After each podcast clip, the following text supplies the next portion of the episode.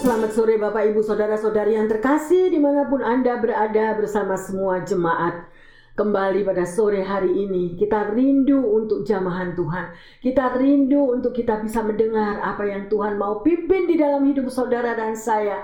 Apa yang Tuhan mau kita lakukan di dalam uh, perjalanan sebagai anak Tuhan selama hidup di dunia ini. Mari kita satu dalam doa. Bapa dalam surga, Terima kasih Tuhan. Kami bersyukur sebagaimana kami boleh ada pada sore hari ini. Kami percaya bahwa urapan roh kudusmu ada di tengah kami. Boleh menjamah setiap kami sehingga kami bisa Tuhan untuk memfokuskan diri kami untuk mendengar, untuk belajar, untuk menerima apa yang Engkau akan katakan, apa yang akan Engkau bicarakan di tengah kami ya Yesus. Terima kasih Bapak. Berikan umatmu ini kemampuan untuk mampu menyerahkan hidup, menyerahkan dirinya, dan menyerahkan segala pergumulan di dalam tangan Tuhan. Karena di dalam nama Tuhan Yesus selalu ada jawaban. Di dalam nama Tuhan Yesus selalu ada jalan keluar. Terima kasih. Karena kekuatan baru selalu engkau berikan di dalam firman-Mu. Terima kasih Bapak. Di dalam nama Tuhan Yesus hamba berdoa. Haleluya. Amin. Bapak, ibu, saudara-saudari yang terkasih, banyak sekali tantangan, persoalan, apa pun yang harus saudara dan saya alami di dalam hidup ini. Tetapi pada sore hari ini, apa yang akan kita pelajari dan tema khotbah adalah hidup yang berserah kepada Tuhan. Ya, mungkin kita tidak menyadari. Selama ini kita mau memakai kekuatan kita sendiri. Pada waktu Anda, pada waktu saya menghadapi tantangan hidup, menghadapi persoalan hidup, kita berusaha dengan pikiran kita, dengan kekuatan kita, tetapi kita melupakan Tuhan bahwa Dia yang senantiasa menciptakan saudara dan saya. Itu selalu memberikan perhatian khusus di dalam persoalan hidup, tantangan yang silih berganti, Tuhan selalu mau campur tangan. Ya, haleluya Bapak Ibu yang terkasih. Tetapi saya mau katakan, hanya di dalam kita mampu berserah kepada Tuhan, itu adalah kunci daripada Tuhan bertindak. Pada waktu kita mau menyerahkan beban pergumulan hidupmu dan hidupku, di situlah saatnya Tuhan Yesus mampu untuk bertindak. Ya, bukan selalu setiap waktu Tuhan itu akan uh, bertindak untuk menolong. Kadang-kadang Tuhan itu juga mendidik saudara dan saya di dalam pengalaman-pengalaman proses kehidupan ini. Dan Yesus menunggu, Tuhan menunggu, mampukah saudara dan saya berserah, percaya kepadanya secara total bahwa melibatkan Tuhan di dalam segala tindakan yang kita perbuat di dalam hidup ini, di situlah ya Yesus akan bertindak untuk menolong saudara dan saya. Amin. Ya, mungkin pada hari-hari ini yang terkasih ada anak-anak Tuhan yang mengalami keterpurukan, mengalami masalah, ya menunggu jawaban-jawaban doa yang belum kunjung datang untuk mendapatkan jawaban. Ya.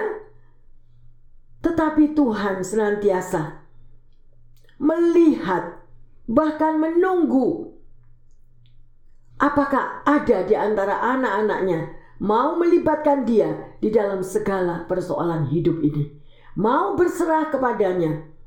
Ya, yang terkasih saya mau mengatakan berserah dan pasrah is very different berserah kepada Tuhan itu positif. Tetapi kalau pasrah, ya terserahlah. Tuhan mau jawab oke, okay, nggak dijawab juga oke. Okay. Nah, itu pasrah di dalam hal yang negatif. Ya, tetapi untuk berserah ada satu keaktifan di dalam diri Anda dan saya. Berserah itu melibatkan Tuhan. Mengakui keterbatasan kita, mengakui bahwa kita tidak mampu keluar dari persoalan hidup yang kita hadapi. Oleh karena itu kita butuh Tuhan. Ada amin. Kita butuh campur tangan Tuhan, memberikan jawaban, memberikan jalan keluar. Ya. Dan Tuhan senantiasa sudah memberikan rambu-rambunya, kata-katanya, jawaban-jawabannya, tuntunannya di dalam Alkitab. Kuncinya adalah apakah Anda dan saya mau membaca Alkitab? Mau mencari dia? Mau memohon pertolongan, melibatkan Roh Kudus di dalam tantangan hidup ini? Sungguh luar biasa, ya kita tahu bahwa Yesus mati di kayu salib. Dia menyerahkan dirinya, menyerahkan nyawanya karena sangat mengasihi saudara dan saya. Penyerahan total kepada Bapaknya di surga. Berserah total. Oleh karena itu sudah sepantasnya bagi Bapak Ibu pendengar yang setia. Kalau Yesus sudah menyerahkan nyawanya untuk kita, Alangkah baiknya kita juga mau percaya dan berserah total kepadanya di dalam persoalan hidup yang kita hadapi. Ada amin? Haleluya yang terkasih. Ya, mungkin ada lagi yang bertanya, Bu Pendeta, saya harus berserah macam apa? Mengapa saya harus berserah? Apakah kurang lama saya menunggu jawaban doa? Saya tunggu-tunggu di dalam permohonan saya juga sampai hari ini belum terjawab. Jadi saya harus berserah apalagi? Banyak sekali ya mereka yang menghadapi dilema seperti itu. Memang untuk menyerahkan masalah kita kepada Tuhan tidak mudah. Tidak mudah yang terkasih, ya. Tetapi ingatlah kasih Kristus yang dia sudah berkorban di Kalvari. Dia penyerahan total sampai mati untuk menyelamatkan Anda dan saya. Masihkah kita tidak percaya akan kasih Kristus? Ya, sedemikian rupa. Ya, pengorbanannya sangat sempurna. Pengorbanan Yesus yang dia lakukan, ya. Jadi, apakah saudara juga mau menyerahkan keinginan nafsu daging yang senantiasa kadang mengejar di dalam diri kita harus diturutin. Kita nggak bisa menyerah. Aku mau yang ini, aku mau yang itu, aku mau yang sedemikian sesuai dengan keinginan daging. Tapi bukan dengan keinginan Roh Kudus, bukan keinginan daripada Tuhan. Ya, sedemikian rupa yang terkasih. Ya, tetapi Yesus dia katakan, Ya, mari kita akan baca bersama-sama. Biar kehendakmu Bapa yang jadi, bukan kehendakku. Mampukah Anda berbicara sedemikian rupa? Mari kita baca bersama-sama di dalam Lukas 22 ayat yang ke-42. Ya Bapakku, jikalau engkau mau, ambillah cawan ini daripadaku. Tapi bukanlah kehendakku, melainkan kehendakmu lah yang terjadi. Nah, Itulah contoh daripada Yesus. Dia adalah 100% manusia pada waktu itu. Ya. Dia juga mempunyai kehendak bebas. Dia memiliki juga ketakutan. Pada waktu di Getsemane dia harus tahu. Ya, apalagi detik-detik yang akan dia alaminya sampai di Kalvari di dalam ketakutannya sampai peluhnya ya mengeluarkan darah. Dan di situlah Yesus masih taat, masih berser, berserah penuh. Dan dia katakan sedemikian rupa, ya, ya Bapa, jikalau engkau mau. Dia masih tanya kepada bapaknya. Tetapi sebagai pengikut Kristus, sebagai anak Tuhan, yang mau adalah me, I, mine. Mauku, mauku yang harus dituruti. Kehendakku, kehendakku yang harus dituruti. Kalau itu tidak terjawab, kita marah kepada Tuhan. kita kecewa kepada tuntunan Tuhan. Rasanya Tuhan gak fair, Tuhan gak fair. Kenapa masalah ini harus terjadi? Katanya Tuhan Yesus maha pengasih, maha penyayang. Nyatanya kenapa aku harus mengalami proses kehidupan yang berat? Yang terkasih. Mari, di dalam momen-momen yang sulit, kita belajar pada sore hari ini. Untuk kita mau belajar seperti Yesus alami. Menyerahkan semua kedaknya. Ya, bukan lagi menurut kehendakku ya Bapa, melainkan kehendakmu. Ya, kehendak Dia yang mengutus aku. Itu yang Yesus katakan. Ya, oleh karena itu mari yang terkasih, kita mau bawa diri kita, kemauan kita, kehendak bebas kepada satu penundukan diri ya bahwa biar kehendak Bapa saja yang terjadi di dalam hidup saudara dan saya. Karena sering kali kita sebagai anak Tuhan kita memikirkan aku lebih tahu dari Yesus, aku lebih tahu daripada Tuhan. Ya, sehingga nggak perlu tanya lagi, nggak perlu ini bertindak, bahkan kadang-kala peringatan dari Tuhan sudah diingatkan sebelum masalah terjadi tetapi tidak mau mendengarkan. Merasa lebih pandai, merasa lebih berhikmat daripada Tuhan. Dan akhirnya apa? We pay the price. Kita bayar harga.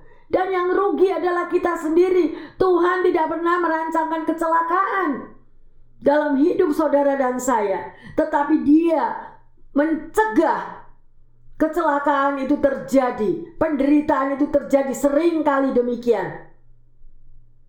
Tetapi kalau misalnya ada something yang Tuhan juga izinkan bahwa kita harus bayar harga karena kita tidak taat, itu adalah proses di dalam pembentukan karakter kita belajar untuk humble, belajar untuk taat, belajar untuk tidak merasa lebih pintar daripada Tuhan.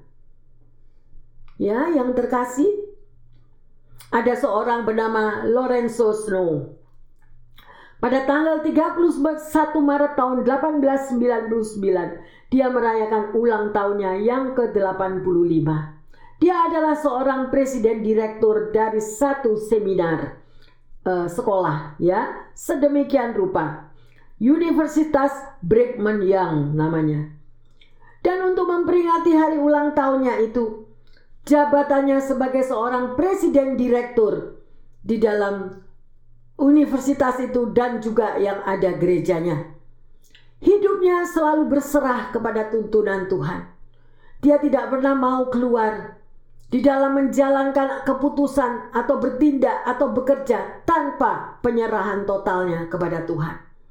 Karena dia tahu kalau aku tidak berserah sepenuhnya kepada Tuhan, maka aku akan bayar harga Aku akan mengalami banyak kegagalan. Aku akan mengalami banyak penderitaan apabila aku tidak menyerahkan semua beban pergumulan yang ada di dalam gereja ini maupun yang ada di universitas ini. Dan dia akhirnya mengalami kesaksiannya ya di dalam usia yang 85 tahun dia tetap mengalami kesuksesan demi kesuksesan. Kuncinya yang terkasih di dalam penyerahan totalnya Tuhan yang bertindak, Tuhan yang menolong, Tuhan yang menuntun ya. Luar biasa. Mari kita lihat di dalam Yohanes 5 ayat yang ke-30. Aku tidak dapat berbuat apa-apa dari diriku sendiri. Aku menghakimi sesuai dengan apa yang aku dengar, dan penghakimanku adil, sebab aku tidak menuruti kehendakku sendiri, melainkan kehendak Dia yang mengutus aku. Luar biasa. Apakah Anda pernah membaca ayat ini ataukah justru pada waktu ini Anda mendapatkan firman ini? Ya, oleh karena meteraikan firman ini yang terkasih, ya, bahwa saudara dan saya tidak dapat berbuat apa-apa daripada diri kita sendiri. Setiap hari kita memohon tuntunan Roh Kudus untuk menuntun perjalanan hidup saudara dan saya. Mohonlah kepada Tuhan untuk mencengkram kehendak bebas kita, mencengkram kedagingan kita, sehingga terjadi penundukan diri dan mengizinkan kuasa Tuhan yang bekerja. Maka di situlah langkah-langkah kehidupan kita. Tidak perlu lagi kita mengalami ketakutan. Mampukah? Pertanyaannya, mampukah saudara dan saya berserah sepenuhnya? Itu adalah kunci daripada sekali lagi saya katakan, Tuhan bertindak membela hidup Anda dan saya. Haleluya, luar biasa. Mari kita lanjut di dalam Filipi 3 ayat 14. Dan berlari-lari kepada tujuan untuk memperoleh hadiah, yaitu panggilan surgawi dari Allah dalam Kristus Yesus. Amin. Ya, di dalam penyerahan total inilah yang terkasih Paulus juga berkata, "Aku berlari-lari kepada tujuan untuk memperoleh hadiah." Artinya dia bukan berlari-lari kepada perjalanan keluar daripada jalan Tuhan. Tetapi Paulus berlari-lari. Dia tetap berada di dalam jalan Tuhan untuk memperoleh hadiah panggilan surgawi dari Allah dalam Kristus Yesus. Apakah saudara dan saya tidak rindu untuk mengalami hal itu seperti Paulus? Saya berharap saudara juga rindu mendapatkan hadiah daripada Tuhan. Jangan keluar daripada jalur yang sudah ditentukan sebagai anak Tuhan. Ya, luar biasa. Ya, mari kita mau mengevaluasi diri kita. Apakah selama ini kita sudah melakukan kehendak Bapa atau kehendak kita sendiri? Mari kita baca di Matius 16 ayat ke-24. Lalu Yesus berkata kepada murid-muridnya, "Setiap orang yang mau mengikut Aku, ia harus menyangkal dirinya, memikul salibnya, dan mengikut Aku." Amin. Itulah syarat untuk menjadi pengikut Yesus, pengikut Kristus, yaitu kita mau menyangkal diri, menyangkal kedagingan kita, berani untuk memilih jalan yang hanya dari kehendak Allah dan hidup sesuai dengan kebenarannya. Ya, sungguh luar biasa. Bapak, Ibu, saudara-saudari yang terkasih, Mari kita bersama-sama akan pelajari. Ada tiga hal, ya. Bagaimana Anda dan saya untuk mampu hidup berserah kepada Tuhan. Cara yang pertama, matikan kedaginganmu. Ya, submit your flesh. Ya, itu yang penting. Ada partisipasi di dalam diri kita. Sekali lagi saya mau katakan, Hidup yang berserah kepada Tuhan, bukan pasrah. Pasrah yang negatif artinya. Ya udahlah, aku tidak bisa begini, suka-sukanya lah. Suka-sukanya Yesus mau apa dalam hidupku? Bukan itu yang terkasih. Ada partisipasi di dalam diri kita untuk mampu menyerahkan diri kita di dalam tangan Tuhan. Ya, sekali lagi dengan tanda petik. Bukan pasrah yang negatif. Tetapi melibatkan Tuhan. Artinya ada keaktifan untuk kita mau berseru dan mau berjalan di dalam jalannya Tuhan. Bukan jalan kita sendiri, yaitu dengan mematikan daging kita. Ya, saya akan bacakan untuk Anda. Ya, di dalam Amsal 28 ayat yang ke-26. Siapa yang percaya kepada hatinya sendiri adalah orang bebal. Tetapi siapa berlaku dengan bijak akan selamat. Ya, ada rambu-rambunya. Oleh karena itu saya amat menyayangkan bagi Anda yang tidak suka untuk membaca Alkitab tidak suka untuk setiap hari mau merenungkan, mau menghayati, mau meditasi rambu-rambu yang Tuhan berikan di dalam perjalanan hidup saudara dan saya. Ya, bahkan marah, komplain, kecewa. di dalam menghadapi masalah hidup. Semuanya sudah tertulis yang terkasih. Siapa yang percaya kepada hatinya sendiri, itu orang bebal, itu orang sombong. Apalagi kalau sudah dikasih tahu, jangan nak, jangan lakukan hal itu. Ya, tetapi nggak mau dengar, terabas terus. Akhirnya apa? Itulah kesombongan. Kita bayar harga. Dan kalau bayar harga, sakit, kalau sudah bayar harga, akhirnya jadi apa? Marah-marah, bad mood, semua orang sekelilingnya kena. Sedemikian rupa. Makanya mari yang terkasih. Kita ada penyangkalan diri. Matikan daging. Submit your flesh. Itu yang Tuhan mau. Haleluya yang terkasih, luar biasa. Orang yang berserah kepada Tuhan, pasti Tuhan akan bela. Mungkin jalannya masih belok-belok. Aduh Tuhan, aku udah berserah. Daripada kita mengatakan hal yang demikian, lebih baik kita berkata positif. Terima kasih Tuhan, kalau persoalan ini jadi, itu baik buat aku. Karena aku percaya Engkau bela hidupku. Kemenangan pasti terjadi bagiku. Itu yang terkasih. Mengubah kata-kata yang negatif menjadi positif. Karena apa? Percaya kepada juru selamatmu. Haleluya, luar biasa kalau kita boleh belajar sore hari ini. Ya. Cara yang kedua, rendahkanlah dirimu. Humble yourself.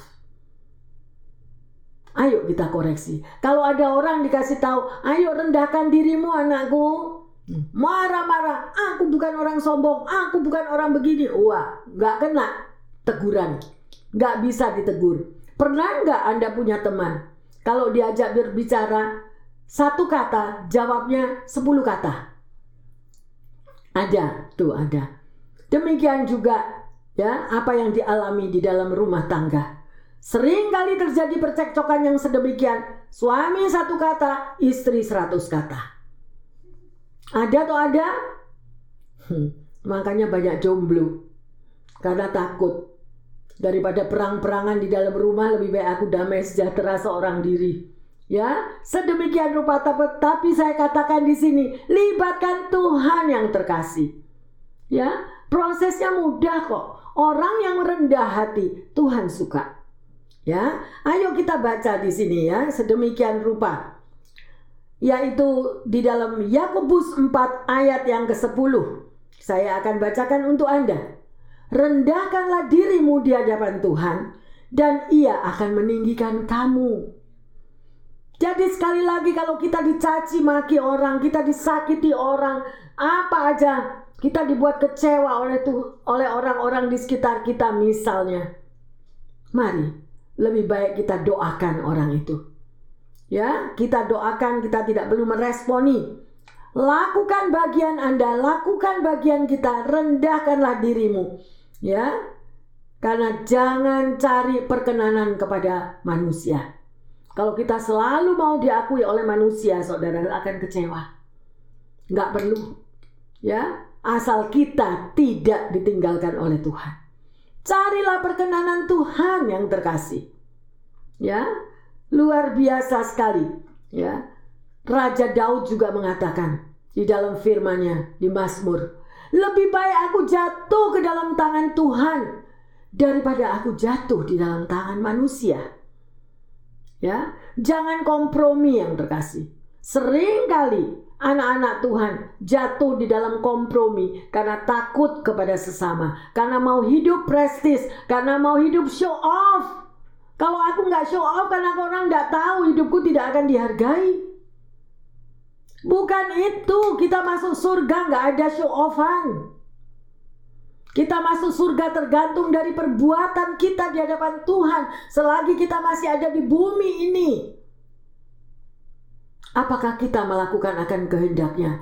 Kita mau menyenangkan hati Tuhan atau kita mau menyenangkan hati manusia sekelilingmu supaya dihargai manusia, supaya aku diangkat namaku oleh manusia sehingga setiap hari kalau tidak ada prestis gak bisa hidup ya itulah yang nyata Dan banyak kekristenan di akhir zaman sedemikian rupa. Mereka sudah lupa apa yang dikatakan oleh firman Tuhan. Ya, rendahkanlah dirimu. Tidak ada kesombongan, tidak ada yang lebih tinggi satu sama yang lain. Kalau aku nggak hidup prestis, aku nggak dihargai dong. Ya, sedemikian rupa yang terkasih. Berarti jauh amat dari apa yang Tuhan mau. Penyangkalan diri. Ya, sedemikian rupa. Yang ketiga, kita mau percaya kepada Tuhan. Trust in God. Di dalam Mazmur 56 ayat 4 dan 5. Di situ dikatakan, "Waktu aku takut, aku ini percaya kepada Allah." Yang firmannya aku puji kepada Allah, aku percaya, aku tidak takut apa yang akan diperbuat manusia kepadaku. Nah, si luar biasa. Apa yang akan dilakukan oleh manusia terhadap saudara dan saya? Ingatlah bahwa kita memiliki pembela agung yang setiap hari tangan yang berlubang paku disodorkan kepada Anda dan saya untuk menolong hidupmu dan hidupku. Tapi itu nggak pernah nyadar atau nggak pernah ngeh ya kalau ada mata Tuhan yang setiap hari tertuju kepada kita, bahkan tangannya selalu diulurkan, kita nggak mau nyambut, nggak mau nyamber, ya. Di bawah kolong langit ini tidak ada kuasa sedahsyat daripada kuasa Tuhan. Apakah saudara sudah mengalami mujizat demi mujizatnya di dalam Anda mengiring Tuhan? Kalau sampai hari ini, Bapak, Ibu, saudara-saudari yang terkasih, anda belum mengalami kasih Tuhan, Anda belum mengalami mujizat Tuhan, sangatlah rugi. Kenapa? Mujizat itu ada di dalam bibir mulutmu.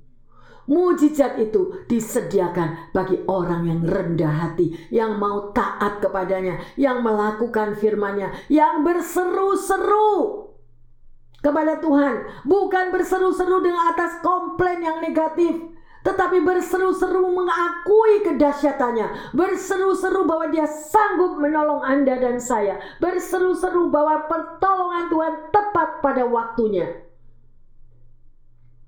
Mari yang terkasih.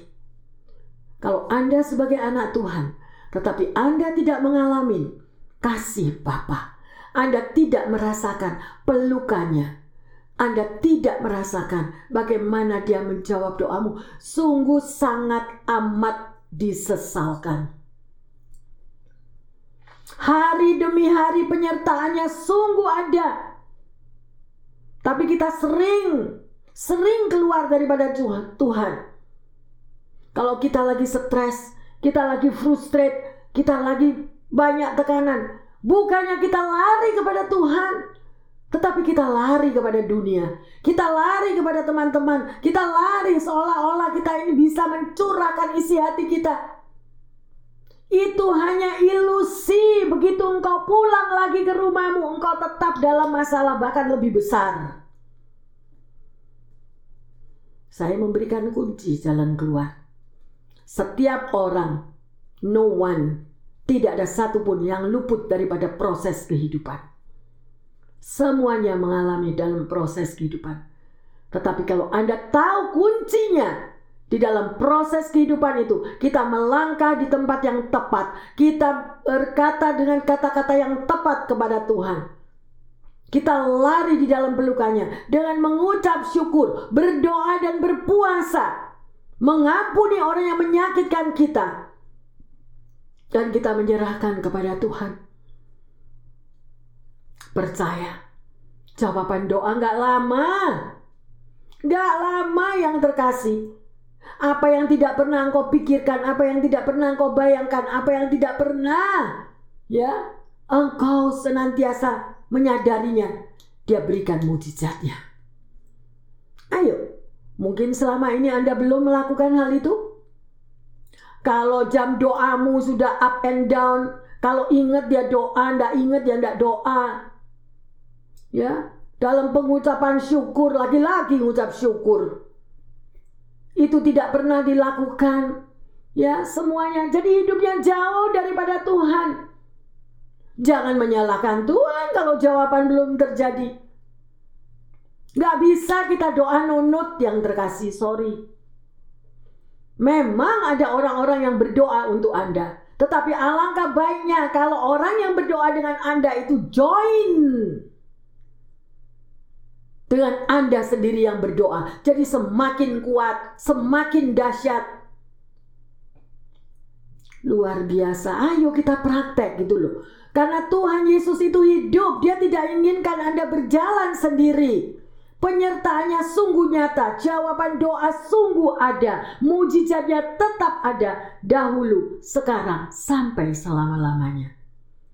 Jangan andalkan otak, jangan andalkan pikiran sendiri. Kalau gua nggak ke kiri ya ke kanan, kalau gua nggak maju ya mundur, kalau nggak bisa ke bawah ya ke atas. Jadi pakai pikiran sendiri, tetapi tidak melibatkan Tuhan. Kata Tuhan dilihat terus, kamu mau jalan sendiri? Silahkan. Alami. Bayar harga. Mari yang terkasih. Firman Tuhan adalah surat kasih Kristus. Jawaban bagi Anda dan saya hanya orang yang mengalami yang bisa berbicara, hanya orang yang mengalami bisa mengatakan, "Yes, alive." Dia hidup, dia pembela agung tidak bisa dijabarkan dengan kata-kata, dengan rumus matematika. Karena Yesus ajaib. Apalagi yang saudara tunggu? Mau hidup di dalam keajaiban Allah? Tunduklah akan firman-Nya. Rendahkanlah dirimu. Sedemikian rupa, ya.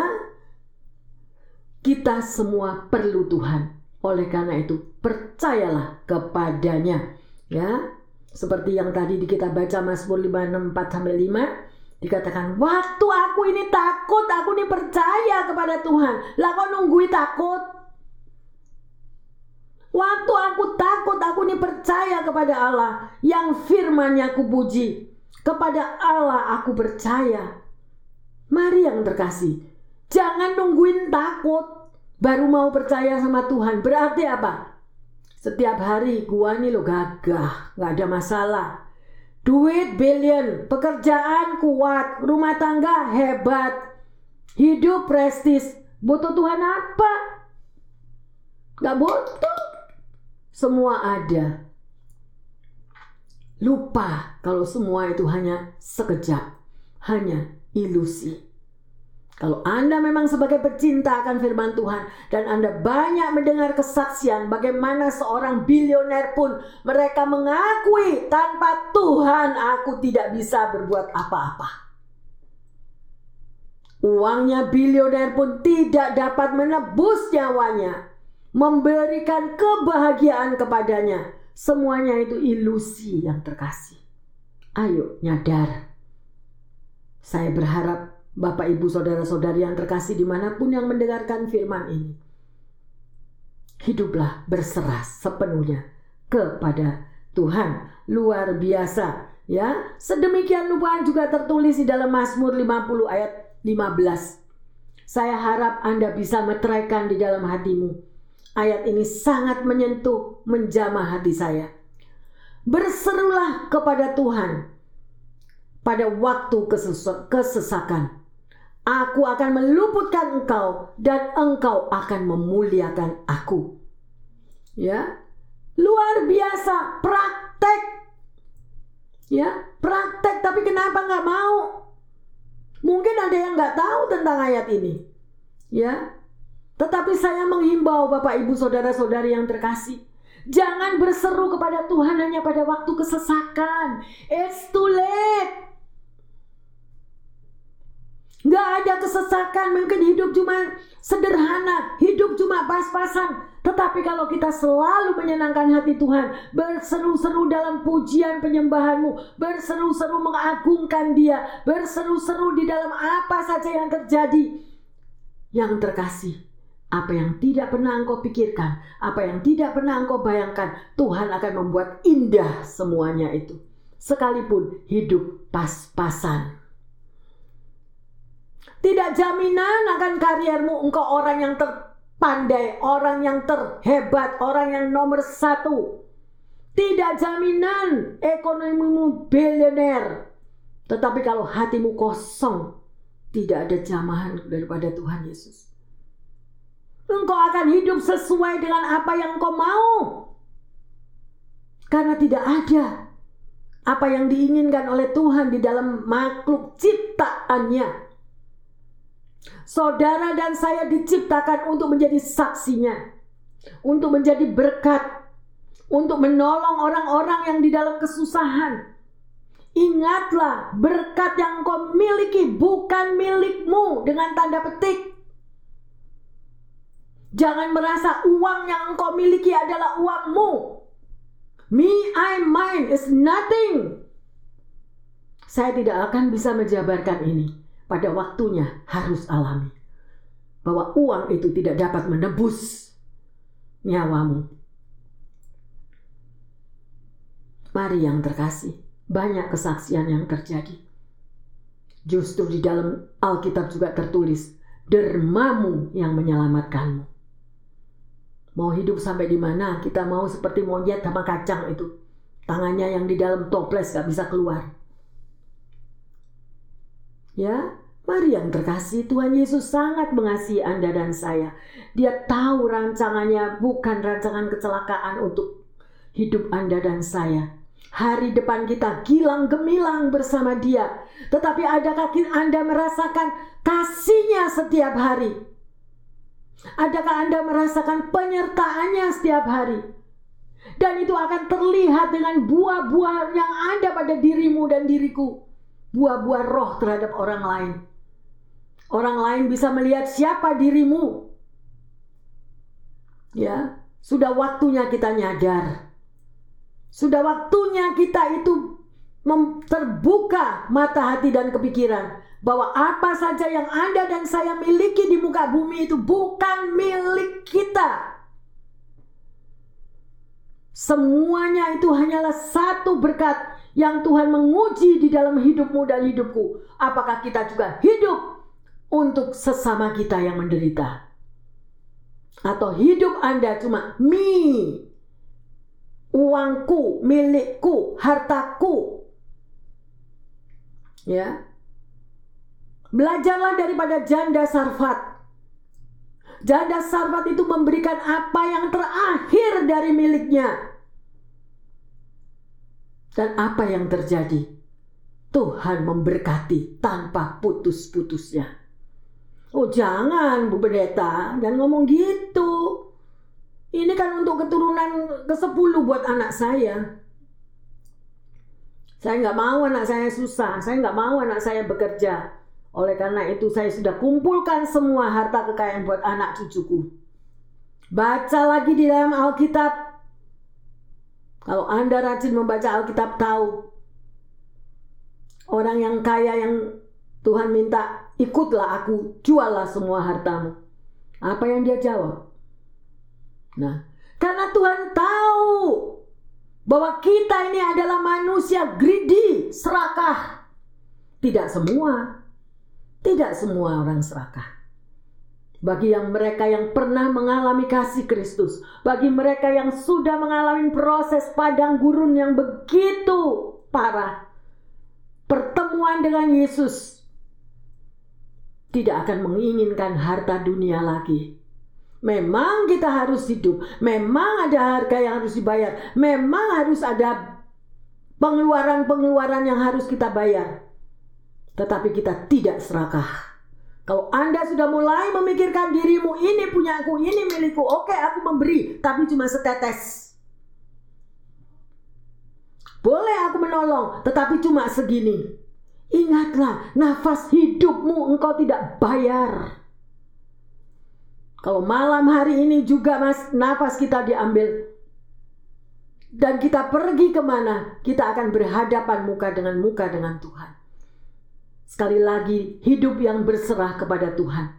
Sadarilah, saudara dan saya hidup di bumi ini tidak memiliki apa-apa. Kalau kita masih ada, kita masih sehat, kita masih bisa berjalan, kita masih bisa menikmati berkat Tuhan. Itu adalah anugerah kasih karunia. supaya Anda dan saya menjadi saksinya. Jesus is love. Gak ada lagi yang terkasih daripada hidup di dunia ini selain menyenangkan hati Tuhan. Senangkanlah hati Tuhan dengan mengikuti apa yang diajarkannya. Amin. Ya, Yesus sendiri mengatakan, "Bukan kehendakku ya Bapa, biarlah kehendakmu yang jadi." 1 Yohanes 2 ayat 17. Apa? Ayo kita baca di sini. Dan dunia ini sedang lenyap dengan keinginannya, tetapi orang yang melakukan kehendak Allah tetap hidup selama-lamanya. Amin. Jelaskan yang terkasih? Jelas Alkitab sendiri mengatakan dunia ini sedang lenyap dengan keinginannya. Tetapi orang yang melakukan kehendak Allah tetap hidup selama-lamanya. Question, pertanyaannya, Apakah saudara dan saya melakukan kehendak Allah atau kehendakmu sendiri? Pertanyaan. Memang satu pekerjaan ya, tidak semua orang sama. Pekerjaan untuk menolong orang lain itu berat. Bahkan ada orang yang mengatakan sangat amat terlalu berat kalau aku menolong orang lain.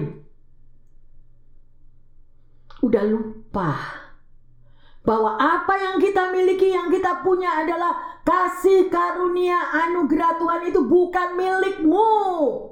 Itu milik Tuhan. Yang harus kita menjadi kesaksian dan berkat bagi orang lain, terutama bagi orang yang membutuhkannya. Setiap orang akan bayar harga. Setiap orang akan masuk pada pengadilan pada waktu hari pengadilan, pada waktu kita dipanggil pulang, kita tidak akan membawa harta bilioner ini tadi ke dalam kubur. Alangkah sangat amat menyedihkan. Hidup adalah kesempatan. Kesempatan apa, Bu Pendeta? Kesempatan menjadi saksi Kristus, kesempatan apa yang Yesus lakukan sampai di Kalvari. Penyerahan total sampai pada titik darah penghabisan. Apa yang dilakukan Tuhan Yesus? Gak tanya-tanya lagi kepada Bapaknya. Bapak, apa perlu aku naik ke Kalvari? Bapak, apa perlu aku masuk Getsemani? Tapi dia katakan apabila mungkin. Ya, dia masih memohon lewatkan tapi kalau nggak boleh ya udah beri aku kekuatan untuk melakukan kehendakmu. Menolong orang nggak perlu tanya yang terkasih. Saya menghimbau. Adakah hatimu spontani apabila engkau melihat sesamamu yang menderita, yang terkapar, yang sudah tidak bisa berbuat apa-apa? Apakah masih tunggu tanya Pak RT untuk menolong orang? Apakah kita masih tunggu atasan kita, orang yang sudah terkapar di trotoar? Saya menghimbau bagi para pendengar, Bapak, Ibu, Saudara-saudari terkasih di mana pun Anda berada. Masih ada waktu, hidup adalah kesempatan. Berubahlah, jangan greedy, jangan serakah. Itu bukan milikmu saya pun tidak memiliki apa-apa. Seluruh sisa hidup hanya untuk kemuliaan Tuhan. Mari Bapak Ibu yang terkasih, kita baca Galatia 2:20. Namun aku hidup, tetapi bukan lagi aku sendiri yang hidup, melainkan Kristus yang hidup di dalam aku. Dan hidupku yang kuhidupi sekarang di dalam daging adalah hidup oleh iman dalam anak Allah yang telah mengasihi aku dan menyerahkan dirinya untuk aku. Luar biasa. Ayo baca lagi. Baca lagi meteraikan dalam hatimu. Dikatakan, namun aku hidup. Tetapi apa? Bukan aku lagi. Ya. Melainkan Kristus yang hidup di dalam aku. Ya. Melainkan Kristus yang hidup di dalam aku, melainkan Kristus yang hidup di dalam diri pendengar Bapak Ibu Saudara-saudari yang terkasih. Kalau Kristus itu ada dan hidup di dalam diri kita yang terkasih, berarti tidak ada greedy. Because Jesus is love. Amin. Tidak ada lagi serakah. Karena Yesus itu hidup di dalam dirimu. Engkau pasti juga mempunyai DNA Jesus. Engkau pasti juga punya spirit love, roh kasih. Kalau mau menolong orang nggak perlu tarik dulu dosanya orang itu. Kalau mau spontani membantu orang lain, tidak perlu menghakimi orang itu. Oh ya dia dulunya salah, oh dia dulunya begini, oh dia dulunya begitu. Tuhan tidak pernah menghakimi saudara dan saya apabila kita bertobat. Apabila kita minta ampun Bahkan Tuhan mengatakan, walaupun dosamu semerah kirmisi, aku mampu membuat putih seperti salju. Kok begitu sok kita mau menghakimi orang lain? Mari yang terkasih, hidup adalah kesempatan. Berubahlah. Sebelum masalah itu terjadi dan kau akan mengalami masalah itu sendiri, baru kita nyadar bahwa kita selalu membutuhkan pertolongan orang lain. Betul betul? Kita selalu membutuhkan pertolongan Tuhan. Kita selalu juga membutuhkan pertolongan orang lain. Itulah yang dikatakan Yesus adalah pokok anggur dan kitalah semua carang-carangnya. Apa artinya? Kita bergandeng tangan. Selalu ada persatuan, selalu ada kasih Bapak hidup di dalam zaman kisah para rasul. Apa yang mereka alami, mereka bagi sama-sama. Ayo, jangan menjadi Kristen KTP yang hidup hanya untuk dirimu sendiri. Bersyukurlah kepada Tuhan. Firman Tuhan ya dan amin. Hidup adalah kesempatan. Apa yang kita tabur juga kita akan tuai. Pasti kita akan tuai. Kalau kita menabur kasih, kita juga akan menuai kasih. Kalau kita menabur baik, kita juga akan menuai kebaikan. Ya, sesuai dengan apa yang Anda tabur. Siapa yang menabur angin, dia akan menuai angin puting beliung. Yang berbicara adalah firman Tuhan. Amin. Yang terkasih, luar biasa. Bapak, Ibu, Saudara-saudari yang terkasih, apakah Anda pernah tahu lagunya? Tiap langkahku diatur oleh Tuhan. Tahu kan semua lagunya? Ya. Sedemikian dikatakan ya bahwa tangan kasih Tuhan selalu memimpin hidup saudara dan saya. Ya, dan langkah kaki kita selalu dipimpin oleh Tuhan. Ya. Dan ke tempat tinggi saudara dan saya dihantarnya.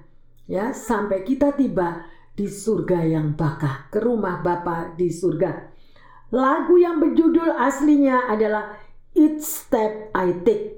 Ya, ini ditulis oleh seorang remaja yang berusia 19 tahun. Dia bernama Elmo Mercer.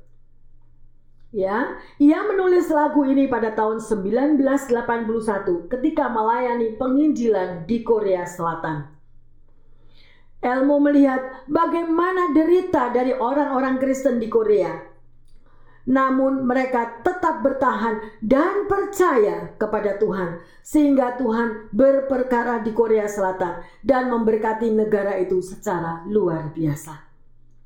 Lewat lagu ini, Elmo Messer ingin menyampaikan bahwa saat kita mengakui Yesus sebagai Tuhan, bagian kita adalah berserah dan percaya penuh kepadanya, maka Tuhan yang akan menuntun jalan hidup saudara dan saya. Sekalipun kita berjalan di dalam lembah kekelaman, Tuhan tetap akan pegang kendali atas hidup kita.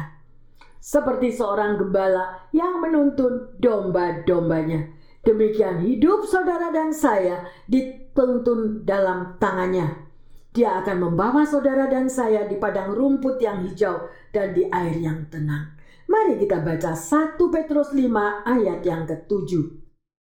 Serahkanlah segala kekhawatiranmu kepadanya, sebab ia yang memelihara kamu. Amin. Luar biasa yang terkasih.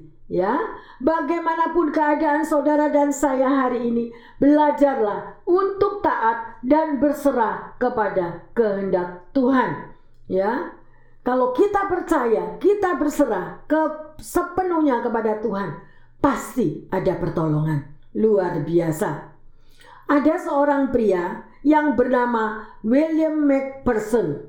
Ya yang terkasih. Ini um, kisah nyata ini saya bagikan karena saya mendapatkan sebuah uh, cerita yang sangat indah dari seorang teman yang mengirimkan kepada saya dan setelah saya membacanya sungguh um, cerita ini sangat menyentuh di dalam hati ya William McPherson ini berasal dari Inverness, Skotlandia pada tahun 1883, dia datang ke Amerika untuk mengadu nasib.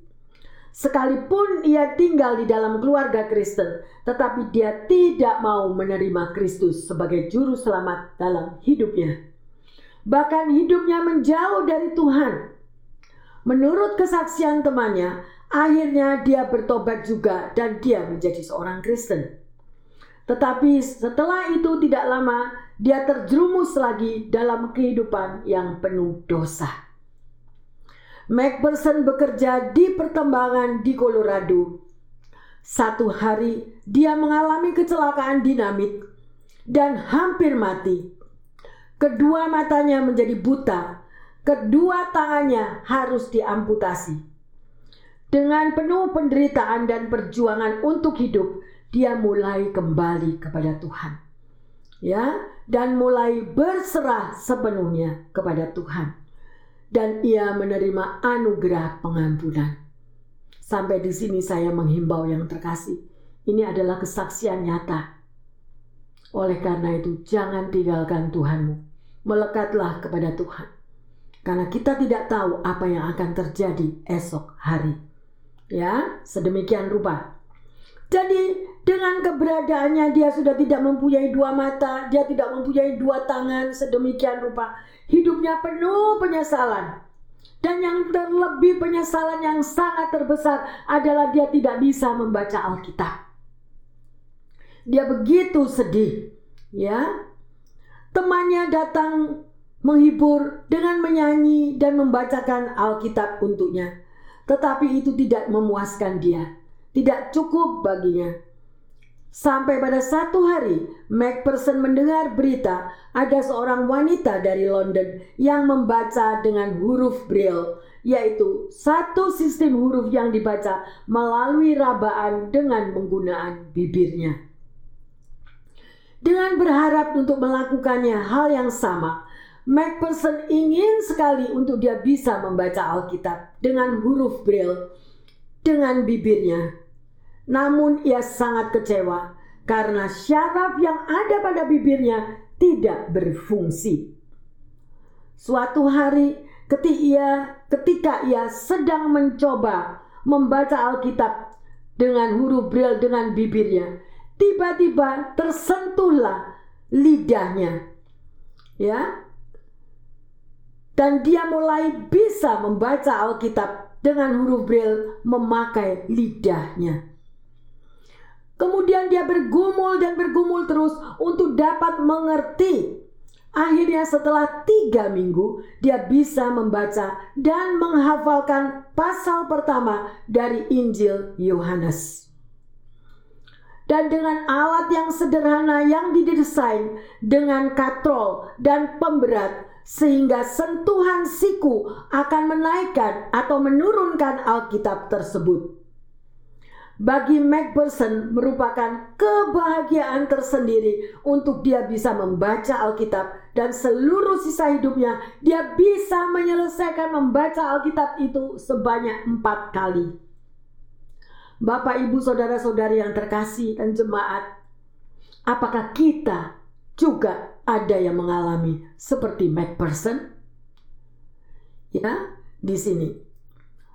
Dan apakah kita bisa melihat kegigihannya untuk dia tidak menyerah di dalam hidupnya, tetapi dia serahkan sepenuhnya hidupnya kepada Tuhan. Ia punya banyak alasan untuk kecewa. Ya, meskipun kekecewaan dengan adanya tragedi yang terjadi juga seolah-olah kenapa Tuhan membiarkan bom itu terjadi. Tetapi setelah itu Macpherson bangkit dan masih bisa mendengar bisikan sayang daripada Tuhan Yesus kepadanya. Dia mengingat kembali kata-kata cinta sang juru selamat. Macpherson bangkit dari keterpurukannya dan tidak mau menyerah dari keterpurukannya melainkan dia hidup dan berserah sepenuhnya kepada Tuhan. Meskipun kedua matanya buta, kedua tangannya tidak ada diamputasi, dan bahkan sebagian syaraf wajahnya itu mati, namun masih ada lidahnya untuk dia mampu membaca firman Tuhan. Bapak, ibu, saudara-saudari yang terkasih, semoga cerita nyata bagi kita yang sehat dan anggota tubuh yang masih normal ini lebih bersemangat daripada Macpherson ini untuk membaca dan merenungkan firman Tuhan. Ayo yang terkasih, mari bangkitlah selagi ada waktu. Selagi ada kesempatan. Jangan kita hidup dengan penyesalan diri, ya, dengan melihat kekurangan-kekurangan apa pun, saya rasa belum ada yang mengalami seperti apa yang Macpherson alami di sini. Kita bisa melihat betapa kasih Tuhan tetap nyata di dalam hidup Macpherson. Dia masih bisa membaca sekalipun dengan lidahnya. Saudara dan saya diberikan tubuh yang sehat, tubuh yang normal untuk membaca Alkitab aja kita untuk membukanya. Segan, Kapan Anda yang terakhir membaca Alkitab? Kapan Anda berdoa yang terakhir kali dengan Tuhan? Ini sebagai koreksi diri bagi setiap kita. Ya. Mari yang terkasih. Di dalam Wahyu 21 ayat yang keempat. Di surga sudah tidak ada air mata lagi. Ya. Dia yang akan menghapus air mata daripada mata mereka dan maut tidak akan ada lagi. Tidak akan ada lagi perkabungan atau ratap tangis atau duka cita sebab segala sesuatu yang lama itu telah berlalu. Bapak, Ibu, saudara-saudari yang terkasih, di surga semua penderitaan itu akan lenyap. Haleluya. Oleh karena itu, bangkitkanlah semangatmu. Bangkitlah dan berserahlah sepenuhnya kepada Tuhan selagi ada kesempatan. Karena waktu-waktu hari-hari ini adalah hari yang jahat. Kita tidak tahu apa yang akan terjadi. Hiduplah sepenuhnya berserah kepada Tuhan. Amin. Pertanyaannya, menurut Anda, sudahkah Anda berserah kepada Tuhan atas kehidupanmu? Yang kedua, apakah alasanmu untuk kita bisa percaya dan berserah sepenuhnya kepada Tuhan? Yang ketiga, tuntunan Tuhan apakah yang pernah Anda alami ketika kita berserah dan percaya sepenuhnya? Mari yang terkasih, hari ini kita sudah mempelajari akan firman Tuhan hidup yang berserah kepada Tuhan. Dan sebagai ayat emas, mari kita baca Mazmur 37 ayat yang kelima dan keenam. Serahkanlah hidupmu kepada Tuhan dan percayalah kepadanya, dan ia akan bertindak. Ia akan memunculkan kebenaranmu seperti terang dan hakmu seperti siang. Amin. Ya, luar biasa yang terkasih. Anda baca sekali lagi, Anda renungkan, Anda imani. Ya, percayalah kepada Tuhan. Ya. Karena Tuhan adalah penolong yang luar biasa. Hafalkan ayat ini yang terkasih. Taruh di mana pun di meja belajarmu, di samping tempat tidurmu. Bahwa firman Tuhan ini berkuasa memberikan kekuatan, penghiburan, di dalam hidup saudara dan saya. Ya. Dan kita sudah belajar hari ini bagaimana kasih Bapa untuk memberikan satu ulasan yang begitu indah bagaimana Anda bisa hidup yang berserah sepenuhnya kepada Tuhan. Bapa kami bersyukur berterima kasih karena Engkau mempunyai rencana yang indah dalam setiap kehidupan anak-anakmu. Ampuni kami ya Tuhan, kalau kami belum mampu berserah sepenuhnya kepadamu. Kami belum mampu untuk mempercayai Engkau juga sepenuhnya. Karena hidup kami dikuasai oleh kekhawatiran dan ketakutan. Tuhan, Bentuklah umatmu ini menjadi pribadi-pribadi yang berani berserah dan percaya sepenuhnya kepadamu sehingga hidup kami selalu ada di dalam tuntunanmu. Ajar kami untuk berserah total ya Bapak kepada kehendakmu. Karena di dalam penyerahan total kami ini kunci daripada engkau yang bertindak untuk membela kami. Terima kasih Tuhan. Kami percaya bahwa tuntunanmu itu begitu ajaib. Itu adalah berkat kasih karunia yang engkau berikan kepada umatmu. Bapak, sekali lagi, pengurapanmu sungguh nyata bagi Bapak Ibu pendengar yang terkasih serta jemaat. Biarlah di mana kami sudah belajar untuk hidup menyerahkan diri sepenuhnya kepadamu. Maka kami akan melihat keajaiban demi keajaiban yang terjadi. Bapa hamba berdoa secara khusus bagi mereka yang mendengarkan firman ini yang belum mampu untuk berserah total, tetapi mereka menghadapi persoalan kesehatan, persoalan ekonomi, persoalan finansial, bahkan persoalan hubungan di tengah keluarga. Masalah demi masalah yang terjadi Tuhan di tengah apa pun yang mereka hadapi. Hamba mohon Tuhan, urapi anak-anakmu ini di mana pun mereka berada. Ajarkan mereka dengan kuasa roh kudus pengurapan Tuhan boleh turun sehingga mereka mampu untuk hidup berserah sepenuhnya kepada engkau. Dan bersyukur bahwa Tuhan sanggup menolong. Bahwa Tuhan sanggup menyembuhkan. Tuhan sanggup meratakan semua jalan membukakan jalan masalah finansial, masalah hubungan antara kasih di tengah keluarga boleh terjalin kembali ya Bapak. Terima kasih Tuhan Yesus. Terima kasih untuk firman-Mu yang begitu menguatkan, menghibur, bahkan memberikan kami mampu untuk berserah total sepenuhnya di dalam tangan Tuhan. Terima kasih Bapak. Di dalam nama Tuhan Yesus, hamba berdoa dan mengucap syukur. Haleluya. Yang percaya dan sudah menerima pengurapan yang baru mengatakan, Amin, amin, amin. Bapak, ibu, saudara-saudari yang terkasih di mana pun Anda berada. Belajarlah untuk taat dan berserah sepenuhnya kepada Tuhan. Ya, sekali lagi saya katakan, jangan pasrah dan menyerah kepada keadaan tetapi kita berserah kepada rencana Tuhan yang dahsyat. Bagian saudara dan saya berserah sepenuhnya, percaya sepenuhnya kepada Tuhan. Amin. Tuhan Yesus memberkati semuanya. Amin. Amin. Amin.